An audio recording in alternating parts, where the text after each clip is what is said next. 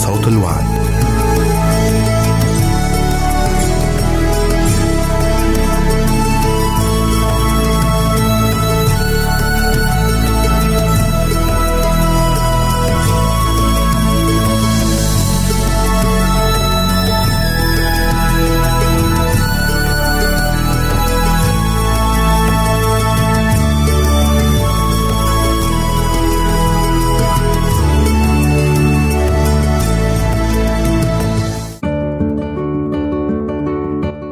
أعزائي المستمعين والمستمعات راديو صوت الوعد يتشرف باستقبال رسائلكم ومكالمتكم على الرقم التالي 00 961 سبعة ستة ثمانية ثمانية ثمانية أربعة واحد تسعة. نشكركم ونتمنى التواصل معكم. والسلام علينا وعليكم.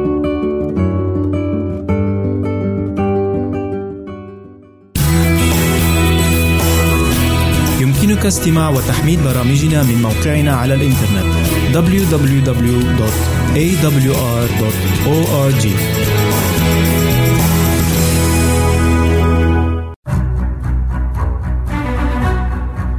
أعزائي المستمعين والمستمعات تتشرف راديو صوت الوعد باستقبال أي مقترحات أو استفسارات عبر البريد الإلكتروني التالي راديو في مرة أخرى بالحروف المتقطعة R A D I O at A L شرطة W A A D نقطة تي في والسلام علينا وعليكم.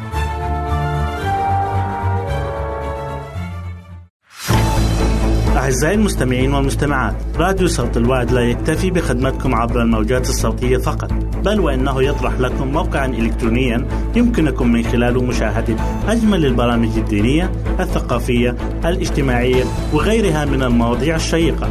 يمكنكم زيارة الموقع من خلال العنوان التالي www.al waad.tv مرة أخرى بالحروف المتقطعة www.al-waad.tv والسلام علينا وعليكم.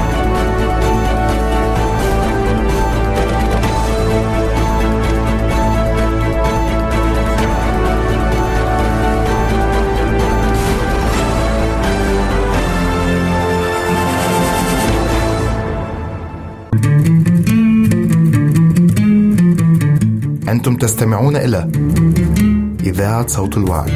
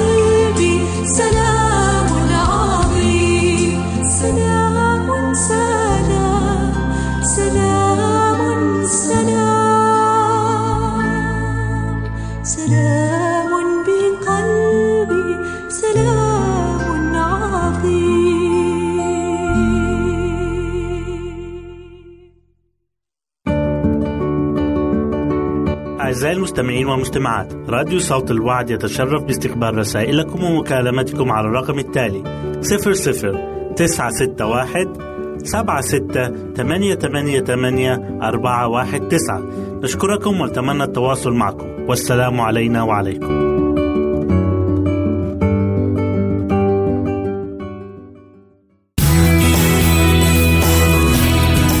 استماع وتحميل برامجنا من موقعنا على الإنترنت www.awr.org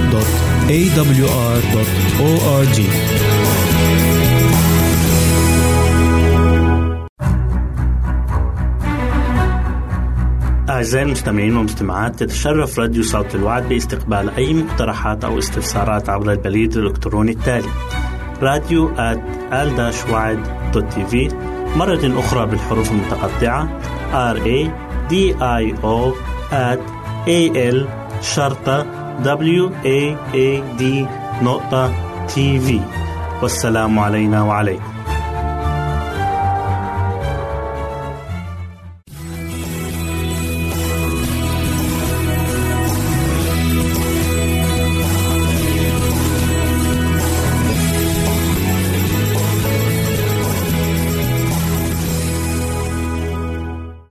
وسهلا بكم مستمعينا الكرام في كل مكان.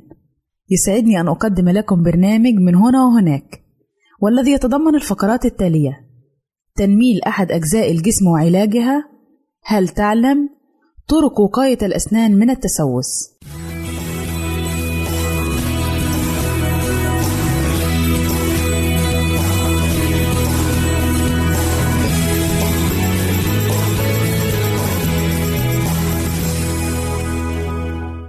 فقراتنا نتكلم فيها عن تنميل أحد أجزاء الجسم وعلاجها. يمكن أن يحدث التنميل في أي جزء من الجسم، ولكنه يبدو واضحًا أكثر في اليدين والقدمين والذراعين، ويوصف التنميل بأنه شعور غير طبيعي بالثقل في جزء أو أجزاء من الجسم، وفي بعض الأحيان يكون السبب لحدوث ذلك بسيطًا، كوضع أحد الرجلين فوق الأخرى عند الجلوس لمدة طويلة، أو النوم على اليد، وفي أحيان أخرى يمكن أن يكون السبب مرضًا أو حالة طبية معينة. وهناك أسباب متنوعة للإصابة بالتنميل والشعور بالألم في أحد أجزاء الجسم. تتوزع الأعصاب في كافة أنحاء الجسم، وهي تعمل على نقل الرسائل العصبية من وإلى الدماغ. وتحدث هذه الأعراض عندما يضغط شيء ما على العصب ويعمل على تغيير وظيفته. ومن الأمثلة على ذلك متلازمة النفق الرسغي، حيث يتعرض العصب المتواجد في الرسغ إلى الضغط، مما يؤدي إلى تنميل وألم في اليد. ويمكن أن يؤدي ارتفاع مستوى السكر المتواجد في الدم الناتج عن مرض السكري إلى تلف في الأعصاب مع مرور الوقت، وهذه الحالة تسمى اعتلال العصب السكري، ومن أعراضه التنميل والألم، ويمكن أيضًا أن يتسبب شرب الكحول إلى نفس هذه الأعراض، ويعتبر تنميل الجسم كذلك من الأعراض المصاحبة لنقص فيتامين ب 12. في هذه الحالة يمكنك تحريك الجسم باستخدام تمارين رياضية خفيفة تساعد على تنشيط حركة الدم في الجسم، كما يجب معالجة أي مرض له عوارض التنميل مثل السكري أو الضغط أو الخلل الهرموني. من المهم تناول أغذية صحية ومفيدة للجسم تحتوي على المغنيسيوم، لأن المغنيسيوم يحفز الدورة الدموية. وعند التنميل يمكنك تدليك المكان الذي تعاني منه بالزيت ثلاثة مرات يوميًا.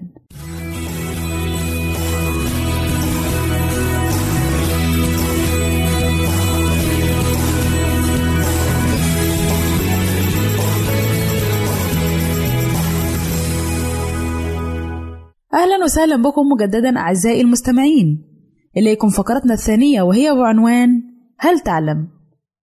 هل تعلم أن نهر النيل يعتبر أطول أنهار العالم إذ يبلغ طوله 6695 كيلو متر وهو ينبع من بحيرة فيكتوريا ويصب في البحر المتوسط ويمر بمصر والسودان وجنوب السودان؟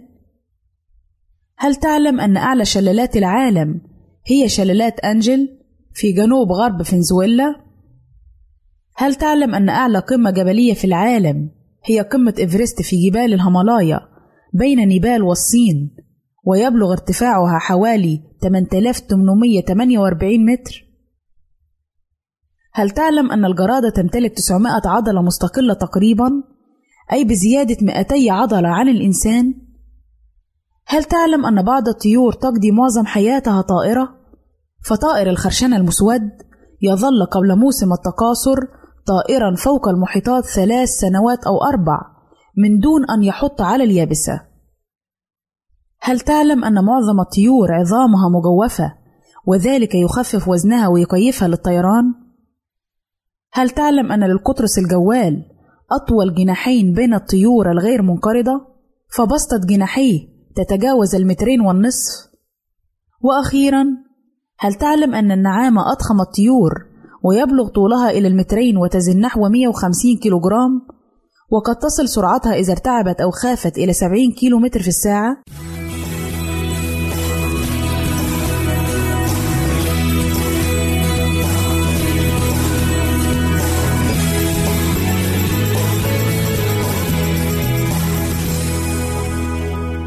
أهلا وسهلا بكم مجددا أعزائي المستمعين إليكم فقرتنا الثالثة والأخيرة والتي نتكلم فيها عن طرق وقاية الأسنان من التسوس. تسوس الأسنان من المشكلات التي يواجهها معظم الناس، ويكون على شكل تلوث جرثومي تصاب به الأسنان، نتيجة تغذي البكتيريا الموجودة في الفم على السكريات التي تتبقى من مخلفات الطعام، مما يؤدي إلى تكوين أحماض تؤذي الأسنان وتسبب نخرها، فتتكون على طبقة المينا الخاصة بالأسنان فجوات وثقوب صغيرة ويستمر النخر حتى يصل إلى العاج وإلى طبقات الأسنان الداخلية. وقد يصل إلى لب السن والجذور مسببا الآلام الشديدة. وللوقاية من التسوس يمكنك الإكثار من تناول الأطعمة التي تحتوي على الفسفور والبروتينات والكالسيوم لأنها تقلل مستوى الأحماض المتكونة في الفم مما يساعد في إحداث ضرر أقل على سطح الأسنان. التقليل من تناول السكريات والمشروبات الغازية التي تزيد فرصة إصابة الأسنان بالتسوس وتناول الأطعمة الغنية بمادة الفلورايد التي تقوي الأسنان وتزيد مقاومتها للتسوس. كما يجب الحرص على تنظيف الأسنان بانتظام يوميا حيث يتم استخدام فرشاة الأسنان المصنوعة من شعيرات جيدة واستخدام معجون الأسنان الذي يحتوي على الفلورايد والمضادات التي تقضي على البكتيريا ويتم تنظيف الأسنان مدة تتراوح من دقيقتين إلى ثلاث دقائق. والأهم هو تنظيفها قبل النوم وبعد الاستيقاظ من النوم مباشرة.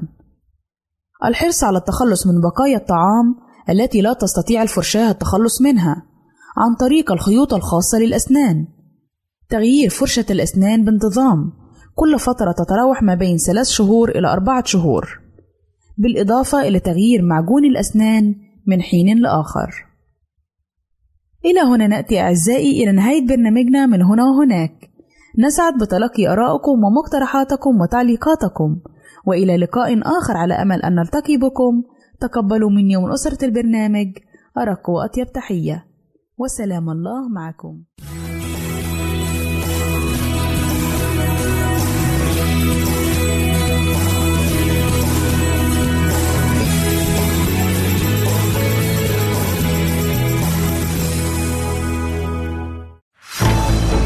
أعزائي المستمعين والمستمعات راديو صوت الوعد لا يكتفي بخدمتكم عبر الموجات الصوتية فقط بل وإنه يطرح لكم موقعا إلكترونيا يمكنكم من خلاله مشاهدة أجمل البرامج الدينية الثقافية الاجتماعية وغيرها من المواضيع الشيقة.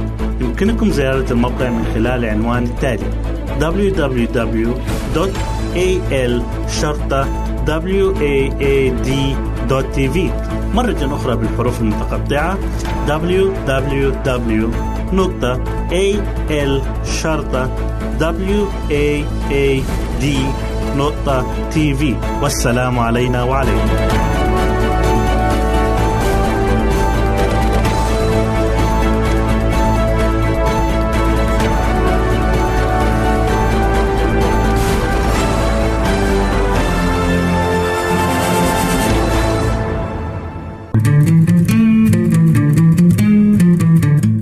تستمعون إلى إذاعة صوت الوعي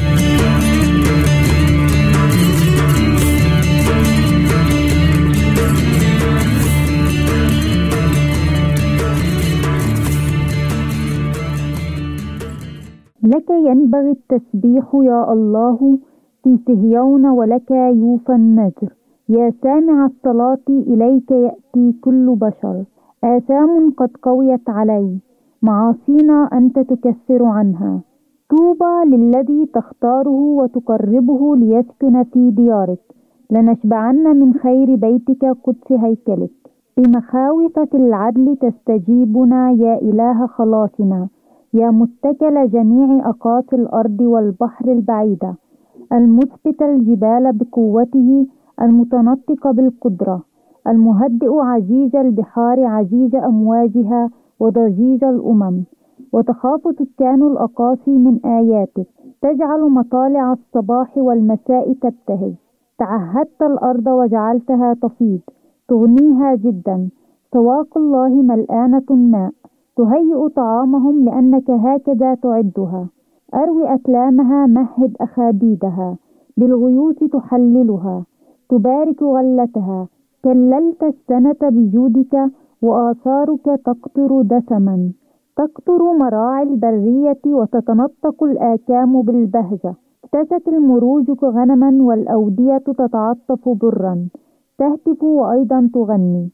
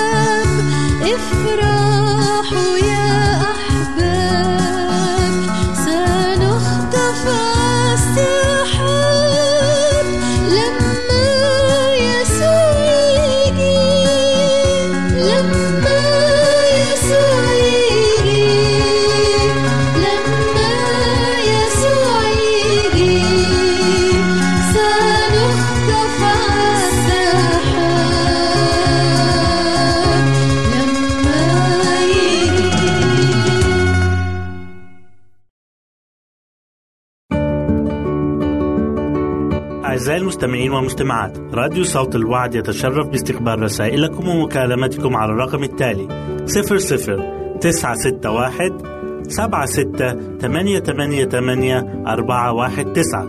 نشكركم ونتمنى التواصل معكم. والسلام علينا وعليكم.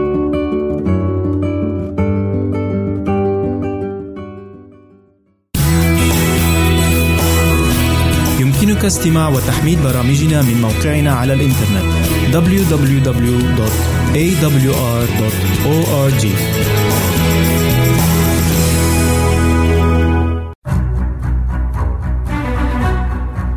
أعزائي المستمعين والمستمعات تتشرف راديو صوت الوعد باستقبال أي مقترحات أو استفسارات عبر البريد الإلكتروني التالي راديو في مرة أخرى بالحروف المتقطعة R A D I O at A L شرطة W A A D نقطة تي في والسلام علينا وعليكم.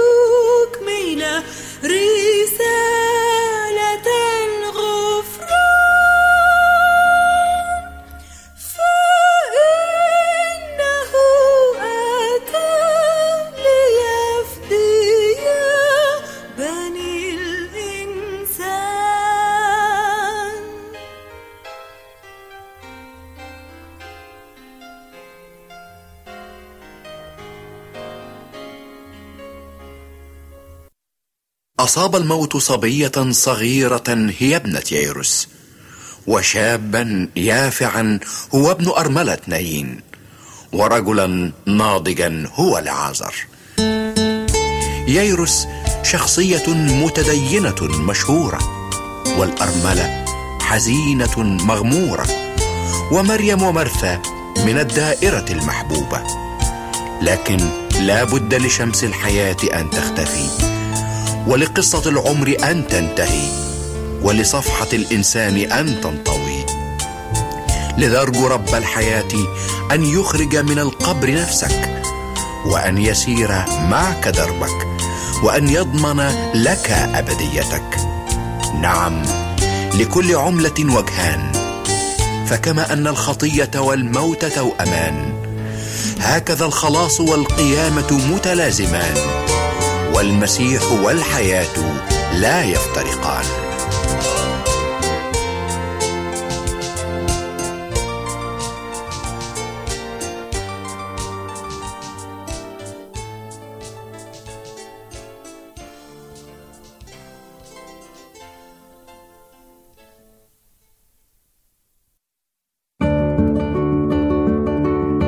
أعزائي المستمعين والمستمعات راديو صوت الوعد يتشرف باستقبال رسائلكم ومكالمتكم على الرقم التالي 00 961 سبعة ستة ثمانية ثمانية ثمانية أربعة واحد تسعة.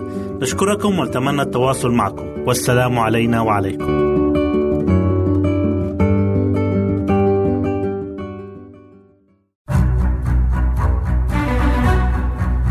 أعزائي المستمعين والمستمعات تتشرف راديو صوت الوعد باستقبال أي مقترحات أو استفسارات عبر البريد الإلكتروني التالي راديو TV مرة أخرى بالحروف المتقطعة R A D I O A L شرطة W A A D نقطة TV والسلام علينا وعليكم.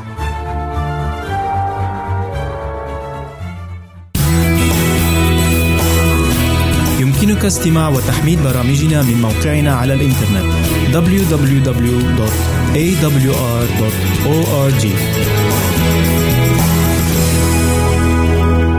أعزائي المستمعين لقد مر أسبوع على لقائنا السابق فيسعدني جدا أن ألتقي بكم مجددا من خلال برنامجكم المحبب من واقع الحياة. قصة اليوم بعنوان العاطفة المخبوءة. فابقوا معنا وتابعوا أحداثها المثيرة. تبدأ هذه القصة في بلدة جبلية في جنوب إيطاليا حيث كانت لوشيا جازوني من أجمل فتيات البلدة وأكثرهن تفاؤلا وإقبالا على الحياة. وكان شباب القرية يتبعونها كظلها. ربما بعث سلوكها الجاد معهم اليأس إلى نفوسهم ولكنه لم يثر الضيق أو الكراهية نحوها. فلم يكف واحد من معجبيها الكثيرين عن احترامها والإعجاب بها. أما جورجيو فقد كان يبدو غير عاطفي وكان شابا أقرب إلى الطول منه إلى القصر عريض الكتفين وكانت عيناه البراقتان تكسبان وجهه شيئا من الجاذبية. وكان جورجيو بالرغم من كل شيء محط أنظار أهل البلدة جميعا لأنه كان خياط المنطقة الوحيد. مما جعله في حالة ميسورة نسبيا. وكان خياطا ماهرا يصنع العجب بمقصه وإبرته وبأي قطعة من القماش تعطى له. وكانت البلدة تفخر به وتقول إن خياطي المدينة أنفسهم ليسوا خيرا منه. وأقيمت ملاهي السوق السنوية في ميدان البلدة. وفي اليوم السابق لافتتاح السوق وكان يوما من أيام الربيع الدافئة ذهبت لوشيا الحسناء إلى دكان جورجيو لتشتري بكرة خيط. وبعد أن اشترت البكرة تباطأت في الخروج من الدكان وهي تتصنع الحياء. وسألت جورجيو ماذا يحملك على البقاء في هذه البلدة الصغيرة؟ وكل إنسان يقول إنك ماهر جدا وتستطيع أن تصبح ثريا لو ذهبت إلى المدينة. فأجابها عندي ما يكفيني من المال أيتها السنيورة. فقالت له لائمة إنك لست طموحا. فقال من الغباء أن يطمح الإنسان إلى شيء لا يحتاج إليه حقيقة أو إلى شيء يعجز عن الوصول إليه. وتبادلا نظرات ولم يعمد جورجيو إلى أن يمطر لوشيا بعبارات الثناء أو الإعجاب التي اعتادت سماعها من شباب البلدة. والتقت لوشيا بروبرتو بيليني. وكانت لوشيا تسمع عن روبرتو ولا تعرفه ولم تره من قبل. وكان له أقارب في البلدة جاء لزيارتهم بمناسبة السوق السنوية. وروبرتو شاب ناجح من التجار الجائلين. وقد سافر كثيرا إلى كل مكان في أوروبا. هل بدا لقلب لوشيا القلق أن يجد مهربا من عالمها الضيق الرتيب؟ وعلى أي حال سرها أن يزورها روبرتو في اليوم التالي. وأدركت لوشيا ووالداها ما وراء زيارة روبرتو. فلا يقوم شاب بزيارة رسمية كهذه من غير غرض جدي. وعاد روبرتو بعد بضعة أسابيع. ومعه عرض للزواج. فهو مسافر إلى أمريكا لاستكمال جولاته التجارية. ويرغب في أن تذهب لوشيا معه. ولم يكن أحد يشك في الرد. فقد يسوء والدي لوشيا أن تفترق عنهما. ولكن أمريكا كانت حلم كل فلاح إيطالي. فرحبا بالفرصة السعيدة التي سنحت لهم.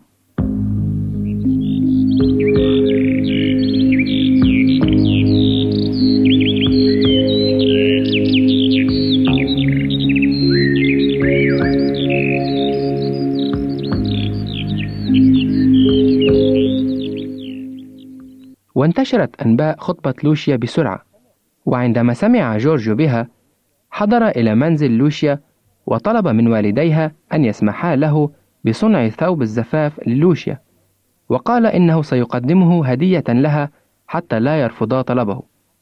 وشكراه فقد كانا فقيرين وثوب الزفاف يكلفهما كثيرا. وهكذا كانت لوشيا تذهب إلى دكان جورج كل يوم ليضبط قياس الثوب وكان قماش الثوب من الحرير الجميل الغالي. اعتقد كل من رآه أن جورجيو ذهب خصيصا إلى المدينة لشرائه. ولما تم صنع الثوب لبسته لوشيا ونظرت إلى نفسها في المرآة فإذا بها أجمل مما تتصور. وجاء يوم عرسها وظل بيت والديها مفتوحا وأعدت فيه حلبة الرقص الشعبي. ولكن بيت جورجيو كان مغلقا ولم يره أحد في البلدة. وقيل إنه استدعي إلى بلدة أخرى ليزور أحد أقاربه المرضى. ولم تجد لوشيا وسط فرحتها وقتا تفكر فيه. وفي اليوم التالي رحلت مع زوجها إلى أمريكا ومرت السنوات الأولى من الزواج سعيدة على نحو ما كانت تتخيل. ووجدت روبرتو زوجا صالحا كما كان رجل أعمال ناجح.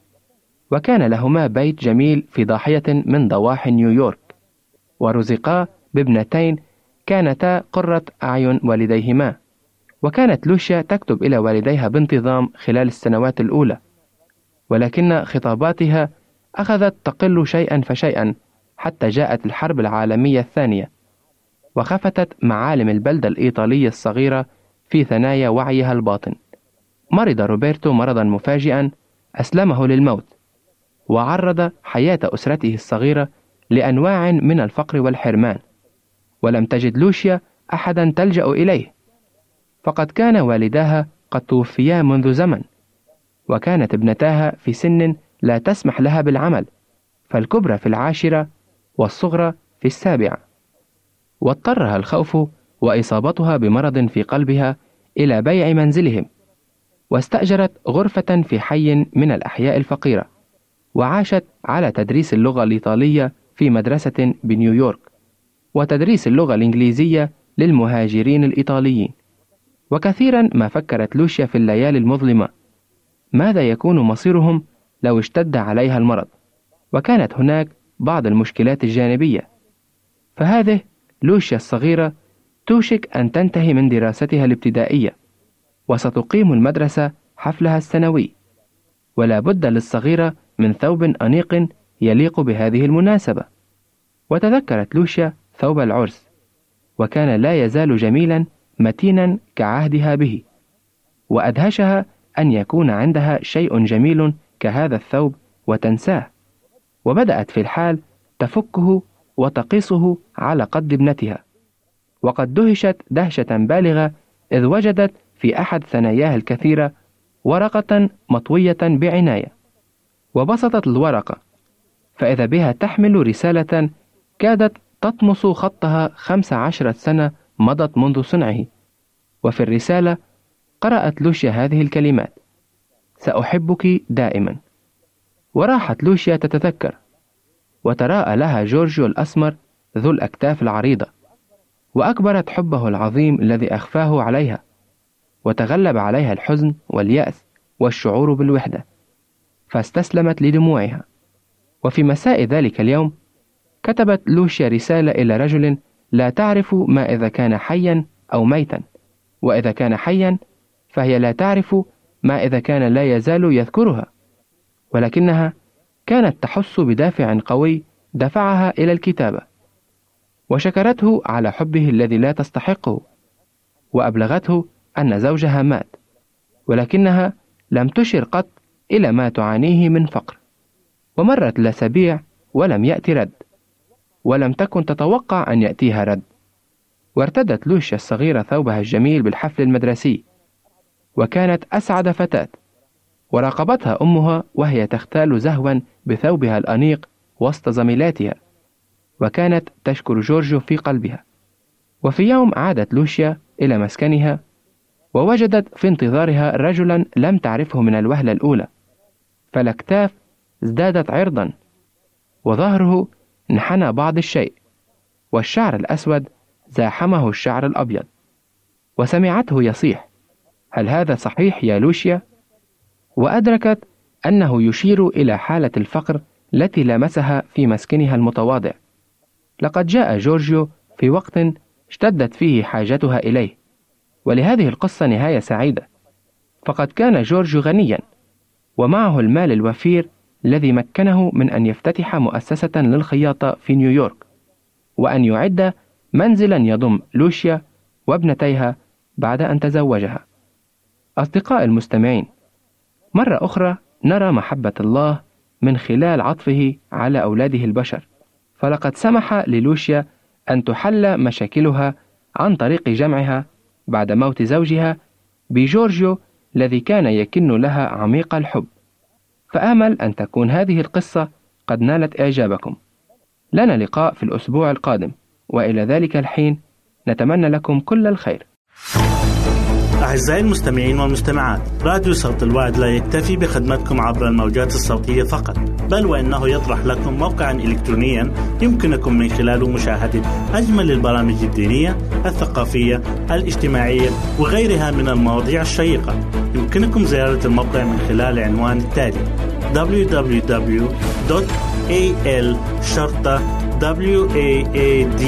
www.al-waad.tv مرة أخرى بالحروف المتقطعة www.al-waad.tv والسلام علينا وعليكم.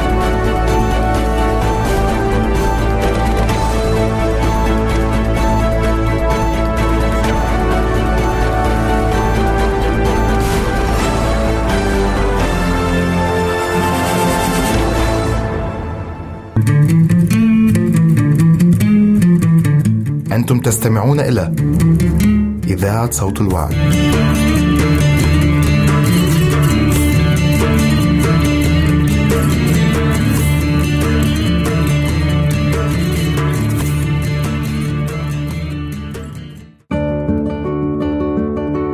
أعزائي المستمعين والمستمعات راديو صوت الوعد يتشرف باستقبال رسائلكم ومكالمتكم على الرقم التالي 00 961 سبعة ستة ثمانية ثمانية ثمانية أربعة واحد تسعة.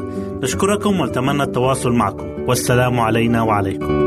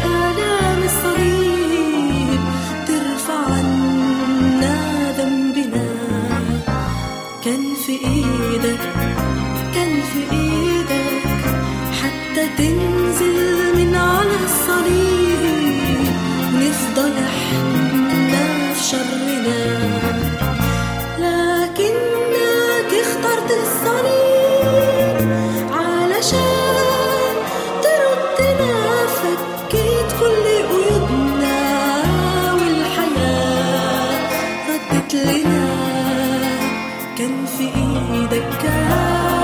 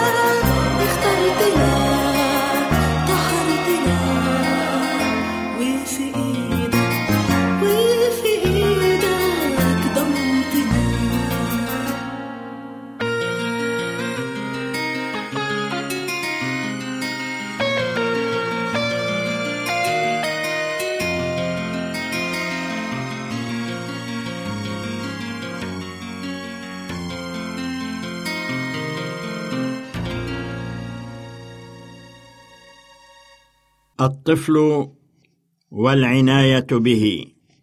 الطفل هو هدية من الله سبحانه وتعالى وقد أعطتنا إياه السماء. لذلك يجب أن نعرف كيف نهتم به. كونوا معنا. لا تزال تربية الطفل من أصعب المهمات الملقاة على عاتق الأهل. وهم بحاجة في معظم الحالات إلى المساعدة وإلى التوجيه. والتربية ليست مسؤولية الأهل أو المدرسة فحسب بل هي مسؤولية المجتمع بأكمله. لذلك نرى الدول تحاول تطوير شعوبها من خلال تطوير الطرق التربوية المعتمدة سواء ضمن العائلة أو في المدرسة. ولذلك يراقب الطفل في المراحل الأولى للكشف عن قدراته واتجاهاته وميوله. حاجات الطفل حتى ينمو الطفل بشكل طبيعي يحتاج إلى عوامل كثيرة لتساعده على تنمية جسده وشخصيته معا في آن واحد. فمن الناحية الجسدية فهو بحاجة إلى تأمين تغذية سليمة له مما يعني التنويع في الأطعمة على أن تحتوي مختلف أنواع الفيتامينات التي يحتاجها الطفل كما أنه يحتاج إلى الإحساس بالحب والعطف والطمأنينة كما أنه يحتاج إلى اكتشاف كل جديد حوله وتكوين علاقات اجتماعية مع محيطه مما يجعله يعي ما حوله ويعلمه أهمية النظام في المجتمع. فيحتاج الطفل أيضا إلى الشعور بالحرية وأهميتها وإلى إظهار شخصيته والتعبير عنها وإظهارها أمام الآخرين. يحتاج الطفل أيضا إلى القيام بالعديد من النشاطات التي من أهمها اللعب والغناء والرسم والتلوين والقراءة. وفي هذه المرحلة من حياة الطفل يمكن اكتشاف ميوله وتحضيره من أجل مستقبل حياته. هذه بعض المبادئ الأولية التي يحتاجها الطفل ليعرف كيف يتصرف وهنا يكمن دور الأم وأهميته في تربية وتوجيه أولادها. وهنا يصدق قول الشاعر الأم مدرسة إذا أعددتها أعددت شعبا طيب الأعراق. والأم التي تهز السرير بيمينها تهز العالم بيسارها. يجب أن يتعود الطفل على الاستحمام على الأقل مرتين في الأسبوع ويعرف كيف يغسل وجهه ويديه كل يوم. ويجب أن تعلمه أمه كيف ينظف أذنيه دون أن يؤذي نفسه. فلا يستعمل أصابعه أو أية مادة حادة بل يستعمل المنشف أو الورق الصحي من أجل ذلك. وإذا دخل الطفل إلى المرحاض فينبغي أن يكون مرتبا فيعرف كيف يشد السيفون وينظف نفسه جيدا ثم يغسل يديه.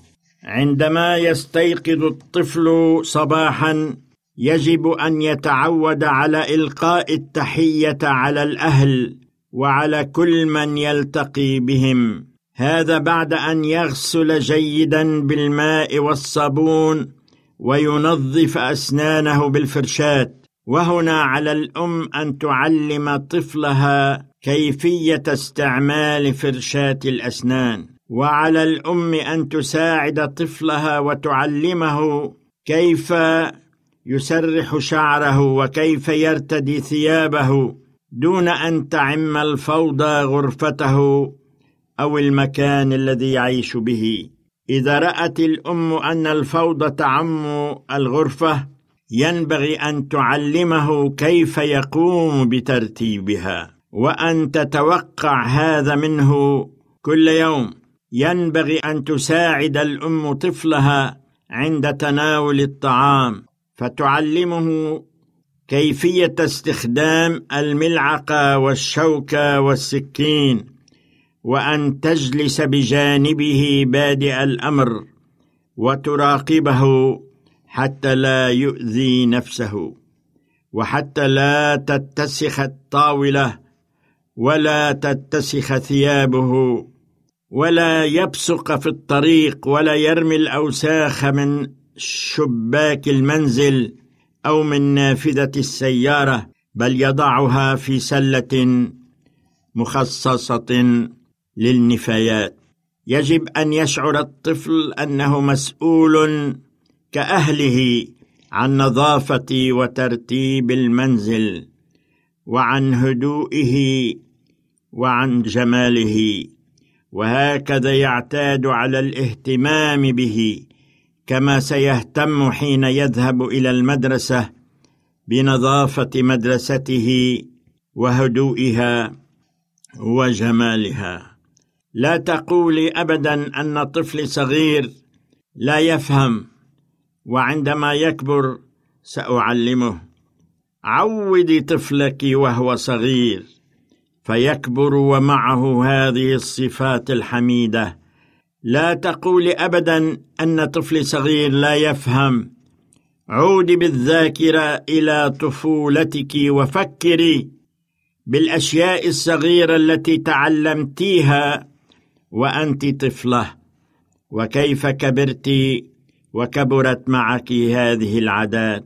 وأهم تلك العادات التي يجب أن يعلمها الوالدين لأطفالهم هي العبادة الصادقة لله ففي زحام العالم المضطرب بالتغيرات السريعة ما أحوج أولادنا أن يتقربوا إلى الله سبحانه وتعالى لكي تكون لهم علاقة شخصية مع رب الأكوان الإله الجبار. ولنسمع لقول سليمان الحكيم عندما قال في سفر الأمثال رب الولد في طريقه فمتى شاخ أيضا لا يحيد عنه كان معكم شحاد الحلبي.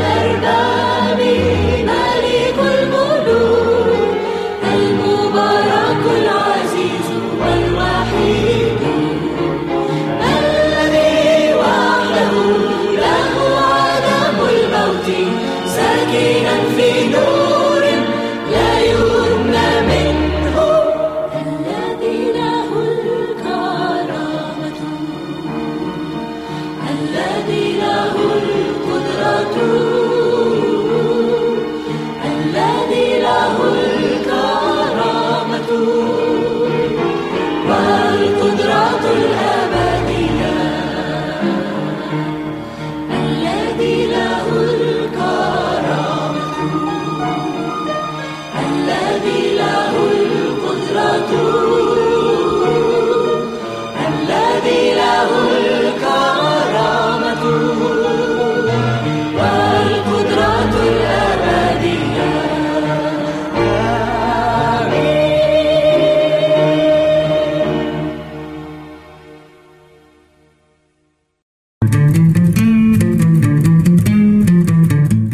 تستمعون إلى إذاعة صوت الوعد.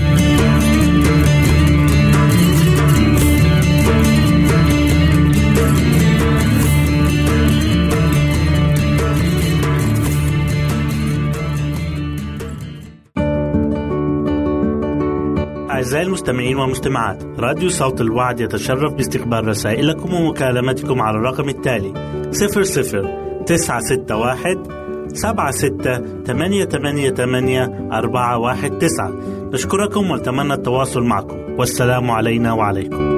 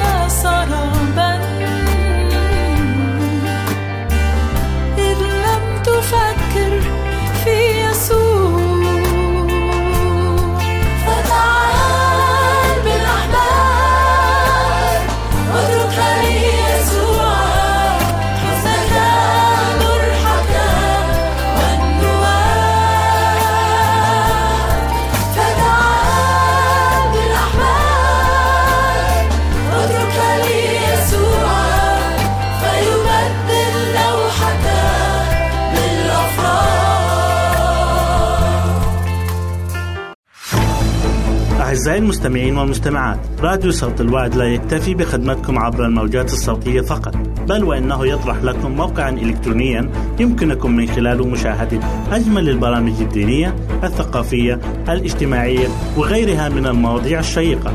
يمكنكم زيارة الموقع من خلال العنوان التالي www.al-waad.tv مرة أخرى بالحروف المتقطعة www.al-waad.tv والسلام علينا وعليكم.